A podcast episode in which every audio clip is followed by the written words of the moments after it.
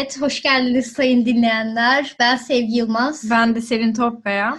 Bu haftaki konuğumuz Sayın Uğur Esmer. Kendisiyle denizaltıları ve Türk denizaltıcılık tarihini konuşacağız. Merhabalar Uğur, nasılsın? Merhaba, iyiyim. Sizleri sormalı. Biz de iyiyiz. Teşekkür ederiz. Ee, bize tabii ki önce biraz kendinden bahseder misin? Hem dinleyen, dinleyenlerimizin de tanıması için. İsmim Uğur Esmer, deniz tarihçisiyim. Özellikle denizaltıcılık üzerine çalışmalar yapıyorum. Daha önce deniz müzeciliği de yaptım bir yıl kadar. Neden denizaltılar konusunda beni çağırdınız derseniz, yani denizaltılık çalışmama ek olarak bir de TCG Dumlupınar üzerine bir kitabım var. Denizaltı faciaları ve denizaltı kurtarma üzerine de bilgiler var biraz içinde. Şu anda da Osmanlı donanması üzerine yüksek lisans yapıyorum. Torpido botlardı değil mi? Yanlış hatırlamıyorsam. Osmanlı Bahriyesi'nde torpido kullanımı ve torpidoculuk. Evet, ilginç bir konu değil mi senin? Evet, ilginç bir konu. Peki yani şimdi e, tezin için bu konuyu seçtin. Sonrasında mesela öncesinde daha doğrusu Dumlupınar'la ilgili bir kitap yazdın. Sen bu deniz denizciliğe olsun, denizaltıcılığa olsun ilgin alakan nereden geliyor? Nasıl başladı? Nasıl gelişti bütün bunlar? Ben Üsküdar'da doğdum, büyüdüm. Aslında biraz daha Çamlıca'da denize uzak bir kısımda yaşıyorum ama her fırsatta Üsküdar sahile balık tutmaya ya da deniz kenarında dolaşmaya gidiyorduk yani ben küçük yaşlardayken. O zaman başlamıştık. Sık sık adaya da gidip geliyorduk. Ufak ufak oluşmaya başladı. Daha sonra Beşiktaş'a geçtiğimiz zaman Deniz Müzesi'nin önünden geçtiğimizde ilk kıvılcımlar ortaya çıkmaya başladı. Babam ısrarlarıma dayanamayarak işte beni küçükken bir gezdirmişti müzeyi. O zaman ufak ufak tohumlar atıldı. Ondan sonra da bilmiyorum deniz bir kere kana karışınca bir zehir olarak devamı geliyor. Yani çok da şundan kaynaklı diye açıklama yapamıyorum ama hayatımda hep bir kıyıda köşede deniz vardı. Evet kesinlikle şu dediğine yüzde yüz katılıyorum. Denizcilik deniz kana bir kere, bir kere girdi mi? kana karıştı mı? Cidden yani her olaya denizle ilgili bakıyorsun. Her olaya denizden bakıyorsun. Ya o yüzden biz seninle bu arada tanıştığımızda gerçekten çok memnun olduk. Denizciler olarak yani denizle ilgilenen insanlar olarak. ben de memnun oldum sizlerle çalıştığıma. Çünkü benim yaşlarımda bu kadar çalışan başka kimse yok. Yalnız olmadığımı görmek beni mutlu ediyor. Teşekkürler. Kesinlikle, Umarım evet. çoğalırız. Umarım. Yine denizcileşecektir. Umarım. Umarız. o zaman ikinci sorumuza geçiyoruz. Ana geniş sorumuza geçiyoruz izninle. Hı hı. Uğur, Türk denizaltıcılık tarihinin kilit noktalarını baz alarak denizaltıcılık tarihimizden biraz bahsedebilir misin bizlere? Her şey 1886 yılında, aslında 1885 yılında başlıyor. Osmanlı donanmasını incelediğim zaman hep danışmanlarla bir seviyeye çekilmeye çalışılmış ama biraz da işte dönemin 10 yıl gerisine ya da 20 yıl gerisinde kalmış, biraz geriden yakalamaya çalışan donanma görüyoruz.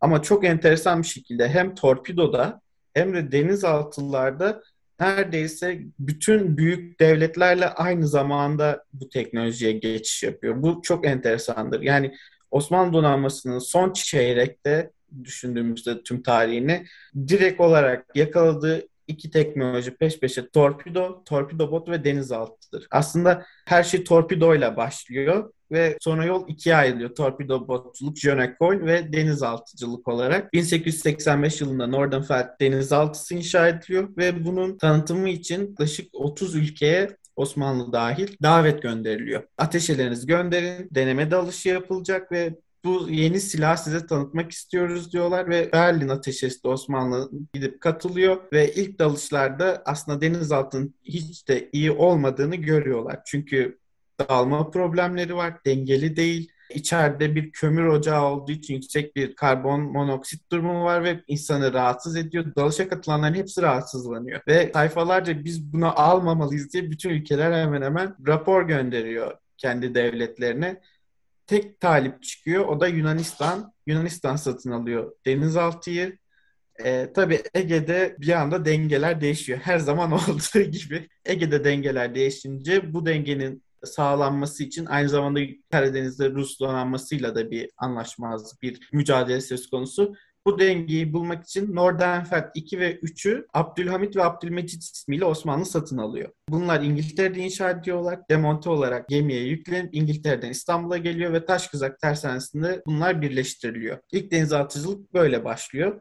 Ve bunlar çok kullanışlı gemiler değil. 6 Eylül 1886'da denize indiriliyor Abdülhamit. Bu denizaltıda ciddi stabilite sorunları görüyoruz. Dalıyor ama bir Yunus gibi tekrar sata fırlıyor, tekrar dalıyor. Sabit bir derinlikte tutamıyorlar. İçeride 40 derecenin üzerine bir sıcaklık var. Kazandan dolayı karbon monoksit var. Erler içeride çalışmak istemiyor. Doğru düzgün denizaltı personeli bulunamıyor. Bir süre sonra bu denizaltının çok da uzun ömürlü olmayacağı artık anlaşılıyor. Ama donanmada caydırıcı olarak var mı? Var. Bunu görüyoruz. Diğer yandan ilk torpido denizaltıdan dalmış durumdayken atılan torpido ile geminin batırılması olayı bu denizaltının tecrübe seyirlerinde anlaşılıyor. Ee, yani gerçekleştiriliyor ve denizaltıcılık olarak dünya tarihine geçiyor bu. Birçok yabancı kaynak da bunu doğruluyor. Aynı zamanda Sultan Abdülhamit'in torpido botlarla beraber İzmit Körfezi'nde bu denizaltının da tecrübe seyirlerine katılmasını ve filo ile beraber hareket etmesini istiyor. Yani teşvik ediyor bir anlamda da. Bunu da görüyoruz. Tabii ikili e, Abdülmecit hemen hiç kullanılmıyor Abdülhamit'te bu sorunlar görüldüğü için. ikisi 1901 yılındaydı sanırım. Dökülüyorlar ve yani bu denizaltılarında e, ömrü dolmuş oluyor. Ta ki 1915'e kadar denizaltıcılığa ara veriliyor. 1915'te Müstecip Onbaşı denizaltısı Çanakkale'de ele geçiriliyor. Üçüncü denizaltı. Tabii bunu çok kullanamıyoruz. Onarımları yapılıyor ama harekatlara katılmıyor. Daha sonra zaten İstanbul işgal edildiğinde de bu denizaltıyı Fransızlar geri bizden alıyorlar. Arada hani ufak şey soracaktım. Bu denizaltıcılık hani bütün dünyada şans eseri daha böyle aynı anda yükselen bir şey oldu diye de mesela ilk denizaltı yapımı bununla ilgili tarihlerde yine aynı vakitlere mi tekabül ediyor? Yani 1800 yıllara mı tekabül ediyor? E, yani Amerikan İç Savaşı'nda kullanılmaya başlanıyor ama hep deneysel prototip gemiler ama şu anki anlamıyla ilk denizaltılar 1880'lerde yapılmaya başlanıyor ve birden fazla herkes kendi prototipini üretiyor işte elektrik motorlular var, kömür ocaklılar var. Değişik birden fazla konfigürasyonu o dönemde görüyoruz. Herkes bir şekilde bu teknolojiyi kullanmak istiyor. Çünkü Amerikan İç Savaşı'ndaki denemelerin başarılı olduğunu biliyorlar. Ama daha geliştirilmesi için çok süre var. Hı. Yani ilk tam olarak randımanlı olarak kullanıldığını biz Birinci Dünya Savaşı'nda görüyoruz. Hı. Zaten demin ona ondan bahsediyordum. Türkiye denizaltıcılığa 1928'e kadar ara veriyor. Bir donanma programı oluşturulması gerektiği ortaya çıkıyor Cumhuriyet kurulduğundan sonra. 1924 yılında bu tartışmalar başlıyor ve ilk başta düşünülen şey Yavuz zırhlısına destek olarak bir sürü küçük torpido bot denizaltı temin edilsin. Bizim muhrip ya da büyük bir donanma bakacak durumumuz yok. Buna karşın Boğazları ve Marmara'yı korusak bizim için yeterli. Ege Akdeniz ve Karadeniz'de çok fazla harekat düşünülmüyor o dönemde. Tabii daha sonra Yunanistan'ın Ege ve yaptığı tatbikatlar, Sovyet donanmasının yaptığı tatbikatlar işin hiç de böyle olmadığını gösterince bundan vazgeçiliyor. Bu sefer de yine eldeki gemileri onaralım, Yavuz'u destekleyecek muhripler olsun ve bunların dışında daha böyle dar sularda değil de açık denizde de hareket yapabilecek kapsamlı denizaltılar almamız lazım deniyor. Bunun için de Hollanda'daki IWS tersanesine sipariş veriliyor. İlk iki denizaltı UB3 sınıfı bunlar. Birinci önü ve ikinci önü. Şöyle bir şey var. IWS tersanesi Hollanda kuruluşlu Feyenoord tersanesinde üretiliyor diye gözüküyor ama aslında Versay Anlaşması'ndan dolayı Almanların denizaltı üretmesi yasaklandığı için Birinci Dünya Savaşı'nın cezası olarak A.G. Vulcan, Germanwerf, Krab ve Wester büyük Alman tersanesi savaş gemisi ve denizaltıları üretilen bunlar paravan bir şirket kurarak Hollanda'da bir tersane kuruyorlar ve aslında 2. Dünya Savaşı'ndaki U-botların ilk ataları olarak bu UB3 sınıfını görüyoruz. Bunların yapımında aynı zamanda şöyle önemli bir şey var. Atanutku bunların yapımında staj görüyor Hollanda'da ve kendisi daha sonra bu deneyimlerinde 37 yılında kullanacak ondan da bahsedeceğim. Bunlar çok büyük denizaltılar değil ama dönemi için gelişmiş denizaltılar ve bunların şöyle bir özelliği var. Türkiye'de bir denizaltıcılık kursu açılıyor. Şu anki denizaltı eğitim merkezinin atası. Bir gemiye konuşlanıyorlar ve gemide eğitimler görüyorlar. Denizaltılar da gelip de bu gemiye yanaşıyor. Olay şu. Almanlar ellerinde denizaltı yok. Alman denizaltıcılar eğitim yapamıyor. Gelip Türkiye'de kurs veriyorlar. 25 kişilik bir grup Birinci Dünya Savaşı'na katılmış Türk denizaltıcılar eğitim veriyor. Ama bunların yanında kaçak olarak getirilen yani o Türk donanmasının ve devletin bilgisi var. Gizlice daha fazla Alman personel getiriliyor ve hem Birinci Dünya Savaşı'na katılanlar yeni sistemleri görsün hem de sıfırdan denizaltıcı eğitilsin diye Alman denizaltıcılar bu Türk denizaltılarına Marmara Denizi'nde eğitim görüyor. Hatta Büyük Amiral Dönis bile gelip pratik yap- yapmak için katılanlar arasında. Kendisinin geldiğini biliyoruz. İlk başta 26 emekli Alman denizaltıcı diye gözüküyor ama sayının yani 50'den fazla olduğunu biliyoruz. Yine 1928 yılında bu Yunanistan tatbikatı ve Sovyetlerin yaptığı donanma programından sonra eldeki gemi sayısının yetmediği anlaşılıyor ve bir, bir miktar daha gemi alınması gerektiği kararlaştırıyor. İşte İtalya'ya verilen siparişleri burada görüyoruz. İtalya'ya biraz da diplomatik hamle olarak bu siparişler veriliyor. Çünkü İtalya ve Türkiye arasında Mussolini'den kaynaklı bir gerilim var. Buna rağmen İtalya'ya bu siparişler veriliyor. Çünkü tersane sahipleri İtalya hükümetine yakınlar ve şu düşünülüyor. 1929 buhranı geldi. Yani ülkeler savaştan çıkmış kötü durumda. Biz bu siparişleri verirsek bir şekilde siparişleri iptal ederlerse paralarını alamazlar ama bu paraya çok büyük bir şekilde muhtaçlar. Bu yüzden yani eğer Türkiye siparişi iptal ederse İtalya kötü duruma düşeceği için tersane sahipleri e, hükümete baskı yapıyor ve Türkiye ile aranızı iyi tutun diyor. Aslında bunu bir dış politika hamlesi olarak kullanıyorlar ve Dumlupınar ve Sakarya denizaltıları böyle sipariş ediliyor. Uğur çok özür dilerim. Araya girmek istiyorum. Az önce de Atanutku dedin ya. Bu İtalya'dan sipariş ettiğimiz şeylerde sanırım sorun çıkıyor ve Atanutku bunları buluyor. Ben yanlış mı hatırlıyorum? Doğru. Muhriplerde e, bir problem yaşanıyor. Dönüşlerde gereğinden fazla muhriplerin yattığı fark ediliyor ve Atanutku havuzun içinde gemilerin yatırılmasını sağlayan çok pahalı bir testi İtalyanlara baskı yaptırarak havuzun içinde gemiyi yatırıyorlar ve o sorun ortaya çıkınca düzeltmek için baskı yapıyorlar. Diğer yandan da sipariş edilen Akarya ve Dumlupınar'da da İngiliz üretimi torpido tüpleri kullanılması gerekirken farklı tüpler kullanılmış. Onları söktürüp tekrardan istedikleri tüpleri taktırıyorlar. Atanutku o dönemde tabii İtalya'ya giden heyet biraz fazla kendini şaraba ve gezmeye kaptırınca sinirleniyor ve işleri tek başına babasından aldığı o inatçı huyuyla devralıyor ve Türkiye ile tek başına iletişim kurarak ve tersaneye baskı yaparak bu düzeltmeleri yaptırıyor. Dumlupınar ve Sakarya dedim. İlk gemilerin ismi de birinci İnönü ve ikinci İnönü'ydü. Hep bir önemli savaşların isimlerinin verilmesi sembolizmi var denizaltılarda ve bu ilerleyen süreçte de devam edecek. Sakarya normal bir hücum denizaltısı. Dönemin klasik özelliklerini taşıyan. Dumlupınar'da ek olarak mayın dökücü. Denizaltı yani dağılmış halde bir hiç fark edilmeden bir liman ağzını ya da bir boğazı mayınlayarak kapatabilir. O dönemde mayın dökücü denizaltılar çok kullanılıyordu bu iş için. Hatta Birinci Dünya Savaşı'nda Alman denizaltı kruvazörleri vardır meşhur. Bunlar yük taşımak için üretilmiş büyük denizaltılardır. Ambargo delmek için. Ama savaş çıkınca bunlar savaş denizaltısına çevriliyor. Ve bunların Amerikan sahillerine döktüğü mayınların büyük bir tahribat yaptığı bilindiği için denizaltıdan mayın dökme olayı o dönemlerde çok popüler. Türkiye'de bunu Dumlupınar'da kullanmak istiyor. Devam ettiğimizde ikinci satın alma bunlar 2. Dünya Savaşı'ndan hemen önce İngiltere'den P611 sınıfı denizaltıların satın alınması şöyle bir şey var.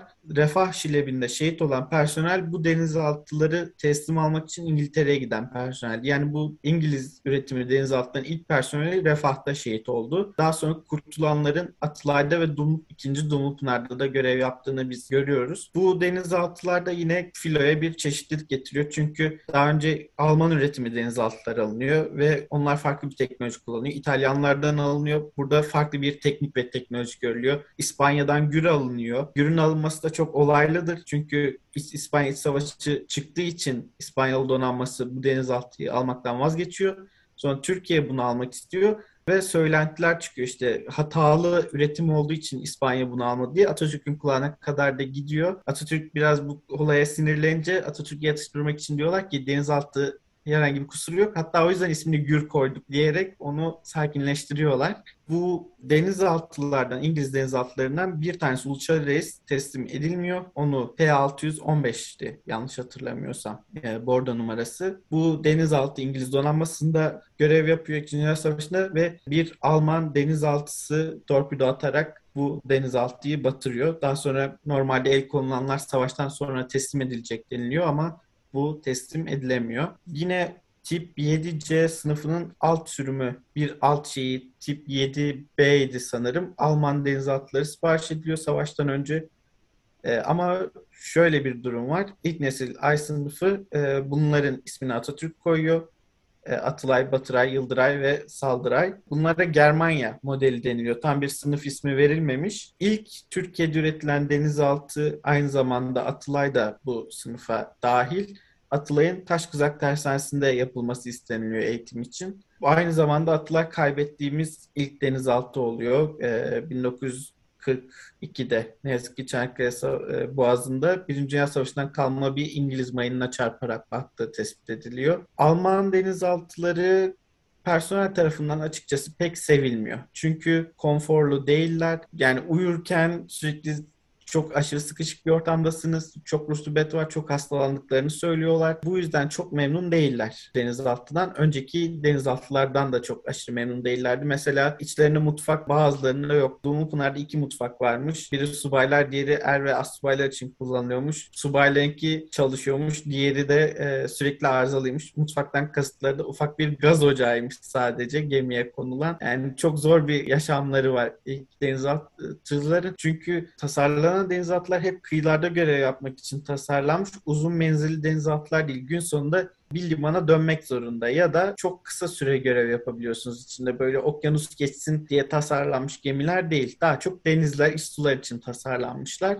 Daha sonra 1948 yılına geldiğimizde filoda ilk Amerikanları görmeye başlıyoruz. Aslında Türk denizaltıcılığı için dönüm noktası bu. Çünkü bu tarihten sonra hemen hemen hep Amerikan denizaltıları kullanacak. Baktığımız zaman müstecip onbaşı dahil ve savaşlardan dolayı el konularda dair toplamda 54 Türk denizaltısı var. 23'ü Amerika'dan alınmış. Bu yüzden önemli bir yer kaplıyor. 1948'de ilk 4 Amerikan denizaltısı alınıyor. Bunları personeli Amerika'dan kendisi getiriyor. Yani bunlar Birinci Dünya Savaşı, şey, İkinci Dünya Savaşı görmüş denizaltılar. İzmir'de sancak değişimi yapılıyor ve Türkiye'ye geçiyor. Bunlar hibe olarak gelen denizaltılar. 1956'ya kadar gelenler Türkiye tam olarak satışı ya da transferi yapılmıyor. Bunlar belirli bir süre için e, Türkiye'nin kullanımına verilen denizaltılar ama Amerika geri götürüp hiçbirini kullanmamış. Çoğu atış denemelerinde hedef olmuş ya da sökülmüş. İlk alınan dört denizaltı birinci İnönü, ikinci İnönü, Sakarya ve Gür. Bunlar şnorkelsiz ve tamamen İkinci Dünya Savaşı'ndan çıktığı gibi alınıyor. Ama 1950 yılına geldiğimizde asıl içerisinde birçok tadilat yapılmış, şnorkel eklenmiş. Yani su altındayken de belirli derinlikte yüksek hıza çıkabilen dizel makinalarını kullanabilen Dumlupınar ve Çanakkale alınıyor. Tabi ilerleyen süreçlerde 54'te Preveze alınıyor.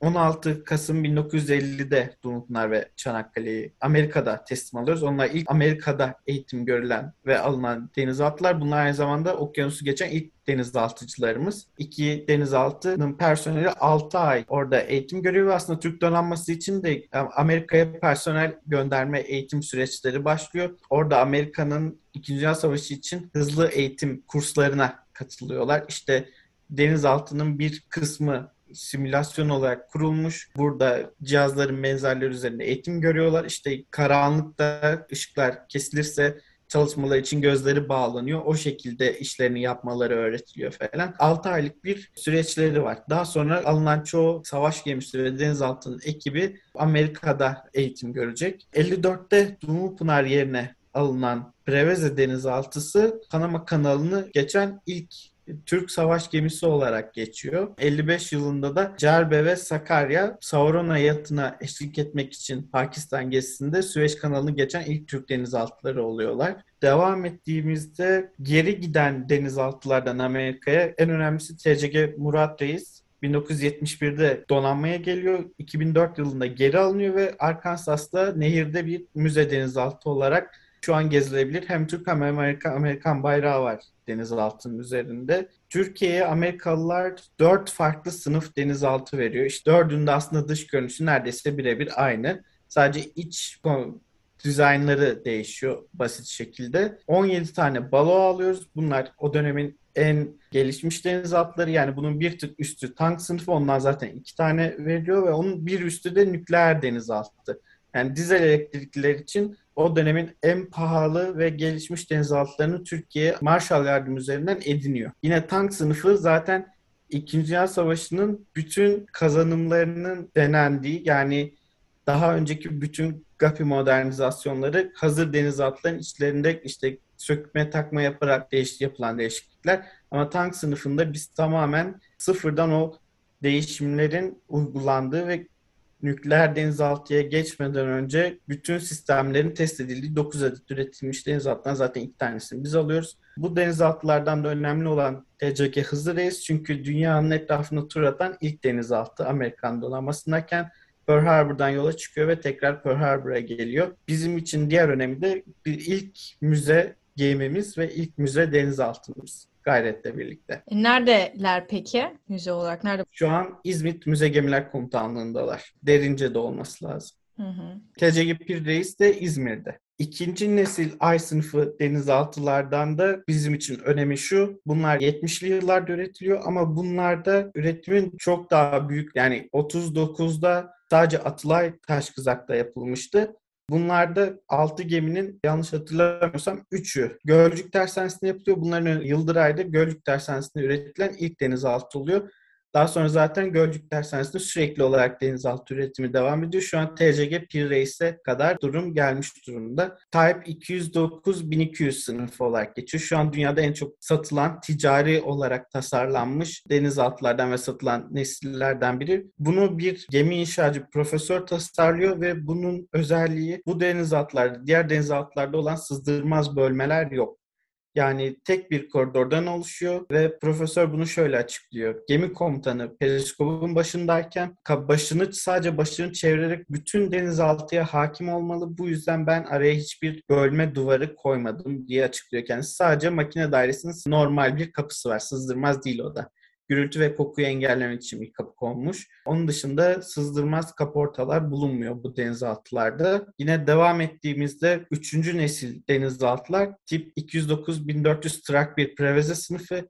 Bunların özelliği de ilk defa Türk donanmasına güdümlü füze atış imkanı elde ediliyor ve uzak doğuya sefer düzenleyen ilk denizaltıda TCG Preveze oluyor. Yanlış hatırlamıyorsam Somali'de bir savunma sanayi fuarında denizaltının tanıtılması için gidiyor ve uzak doğuya giden ilk Türk denizaltısı oluyor. Bunun dışında da daha gelişmiş Preveze sınıfı olarak da geçen Gür sınıfı şu an kullanıyoruz ve onda da çeşitli geliştirmeler devam ediyor. Şu an birçok sistem bu Gür sınıfı üzerinde uygulanıyor. Filo hakkında özetleyebileceğim bu kadar.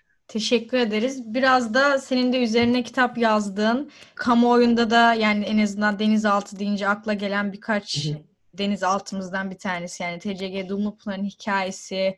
Sen kitabında nelerden bahsettiğin, neyi anlattığını bize biraz da ondan bahsedersen hem bilenler için hem bilmeyenler için güzel bir özet olmuş olur. Yani hem TCG Dumlu Pınar serüveni hem de senin kitabının serüveni. Evet. Bir arada böyle bir alabilirsek. TCG Dumlupınar Amerika'dan alınan ilk şnorkelli denizaltılardan biri Balboa sınıfı ve birinci denizaltı flotillasının sancak gemisi aynı zamanda Commodore gemisi olarak görev yapıyor. Çünkü filodaki en gelişmiş denizaltı olduğu için yani 1950'den 52'ye kadar neredeyse tamamen tatbikatlarda hayatının geçtiğini görüyoruz. Ve bu denizaltı Amerika'dayken birçok kaza geçirmiş, çeşitli savaş devriyelerinde ve attığı hiçbir torpidonun isabet etmediğini biliyoruz. Böyle ilginç bir durumu var. Daha sonra Türkiye'ye geldiğinde de iki kez pervanelerinden hasar alıyor. Biri İtalya'da tatbikatta, tatbikatın dinlenme aşamasında, daha sonra Türkiye dönüşte ayrılırken bir sert sağanak esiyor ve denizaltı hareket ederken üzerine aborda olduğu denizaltıyla ufak bir sürtüşme yaşıyor. Diğer kazası da batışından birkaç ay önce yanında yani o dönemde bir iskele yok denizaltı filosu için bir denizaltı ana gemisi var TCG Erkin ve bütün denizaltılar sırayla birbirinin üstüne aborda oluyor. O şekilde ikmalleri ve bakımları yapılıyor. Yani norm, seyre gitmediklerini o şekilde bekliyorlar. Ve Dumlupınar'ın yanındaki gemi seyre çıkarken yine bir manevra hatası yapılıyor ve o denizaltıda Dumlupınar'ın pervanesine zarar veriyor. Türkiye'deki ilk kazası o. Daha sonra Nisan 1953'te bir Mavi Deniz NATO tatbikatı düzenleniyor ve şöyle bir durum var.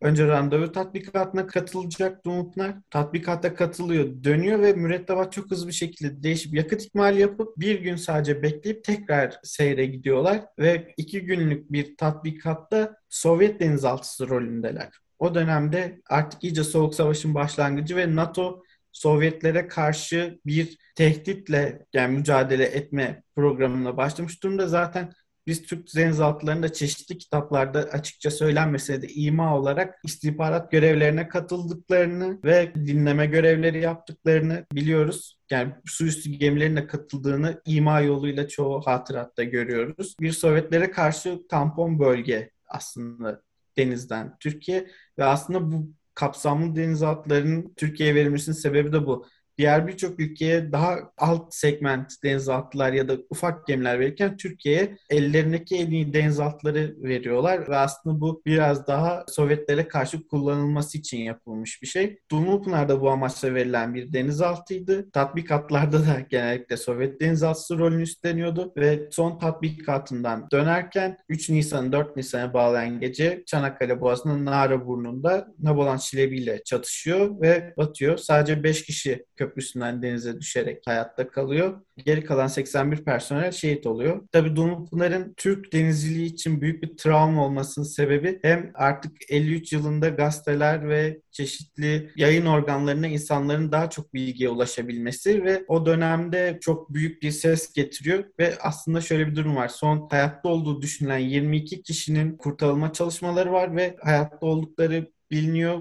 uğraşıyorlar ve bir şekilde o anki o dönem teknolojinin imkan vermemesi sebebiyle o insanlar göz göre göre ölüyor. Biraz da bunun travması var. Hatta o dönemde Deniz Harp Okulu'nda ya da Deniz Lisesi'nde olanlar sonraki yıllardaki devrelerde biz yani derslerde bunlardan sık bahsedildiğini ve bundan ders alınmasını istendiği yani kuvvet için de büyük bir travma olduğunu görüyorduk diye anlatıyorlar. Ben kitap ne, neyden bahsettim? Doom'lar hakkında çok fazla yanlış bilgi var. Hikayeler anlatılıyor. Ben biraz da tenkit amaçlı bu kitabı yazdım. Kitap aslında iki ana kısımdan oluşuyor. 21 bölüm olsa da. İlk kısım denizaltı nedir ve Dumlupınar'ın işte 4 Nisan gecesine kadar ki ve sonrasındaki dava süreci. Diğer kısmı da tüm bu temel bilginin üzerine aslında Doomplayer hakkında anlatılanlar ne kadar doğru bunları anlatmak istedim. İşte son kış torpido daireye sığınan 22 kişi havasızlıktan mı öldü yoksa karbondioksit zehirlenmesinden mi şehit oldular? Sen de dedin ya büyük bir travma oldu toplumda diye. Orada yanlış bilmiyorsam plan konuşmaların kaydı var sanırım. Doğru mu hatırlıyorum? Gazetelerle paylaşılıyor ama ses kaydı doğru değil. Çünkü şöyle bir olay var. Savaş Karakaş'a bu soru yöneltiliyor belgeselci ve o da yani bunun gerçek olmadığını söylüyor. Çünkü ses kaydında konuşan kişi Savaş Karakaş'ın kendisi belgeseli için canlandırma yapıyor ve bu çok uzun yıllar gerçek konuşma zannedildi. Yani Savaş Karakaş da anlatmıştı yani bana bile gelip sordular yani adam benim sesimi tanımamış bu gerçek kayıt mı diye sordu demişti. Ama yani konuşmalar şöyle 7 tane tebliğ var gazetelere dağıtılan çünkü Genelkurmay Basın Bürosu askerlik yapan iki gazeteciyi bölgeye gönderiyor. Biri Simavi ailesinden, diğeri de Orhan Birgit. Onlar bütün olayları derleyip Genelkurmay'ın onayıyla gazetelere dağıtıyorlar ve gazeteler bu haberleri basıyor. Yani olay yerine kendi muhabirlerini çok fazla gönderemiyorlar. Bu yüzden o konuşmalar gerçek ama o ses kaydı Savaş Karakaş'a ait. Belgesel için canlandırmaydı. Peki o konuşmalarda biraz anlatır mısın? Yani bu çünkü çok Şimdi ben de yanlış bir şey söylemek istemiyorum da benim hatıratımda kalan mesela artık bir kurtarılmanın mümkün olmadığı anlaşıldıktan sonra oradaki mürettebata mesela şey diyorlar. Hani sigara içecekseniz için falan gibi bir konuşma dönüyor diye biliyorum. Hani yanlış mı doğru mu orada da hani ne konuşuluyor onu da ilginç olduğu için sormak istedim sana. Ya o şarkı türkü söyleyebilirsiniz ya da aşağıda Ahbir Ataşver'e söyledikleri doğru değil. Kitaptaki bölümlerden biri de o. Ama şöyle bir durum var. Yapılan konuşmalar genellikle birinci ön denizaltısı ilk olay yerine gelen savaş gemisi, onun ikinci komutanı görüşüyor ve bir denizaltıcı olarak uymaları gereken prosedürü hatırlatan şeyler söylüyor. İlk sabah yapılan konuşmalarda da işte sizin yerinizi bulduk, yani battığınızın farkındayız. Kurtarma gemileri de yola çıktılar. Durumunuzu koruyun ve işte hani prosedürlere uymaya devam edin.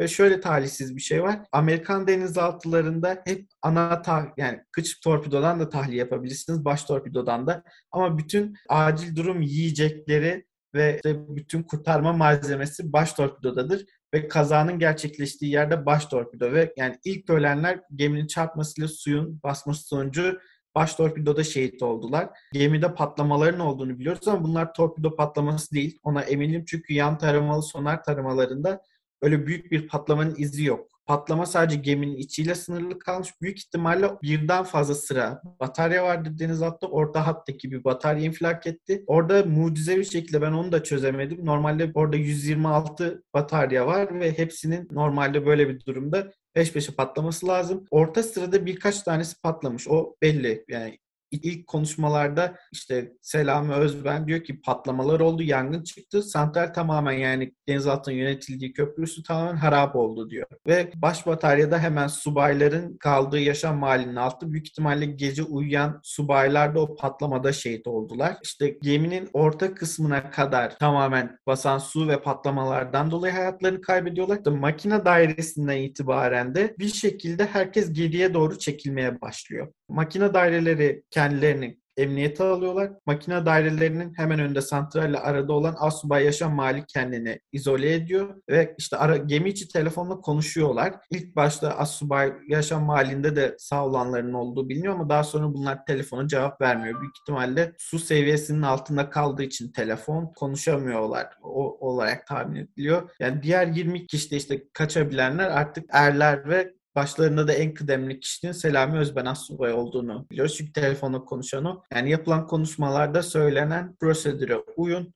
sakinleşin, yatın. Çünkü insan heyecanlandıkça daha çok oksijen tüketiyor. Genellikle o yüzden uyumaları teskin edilir.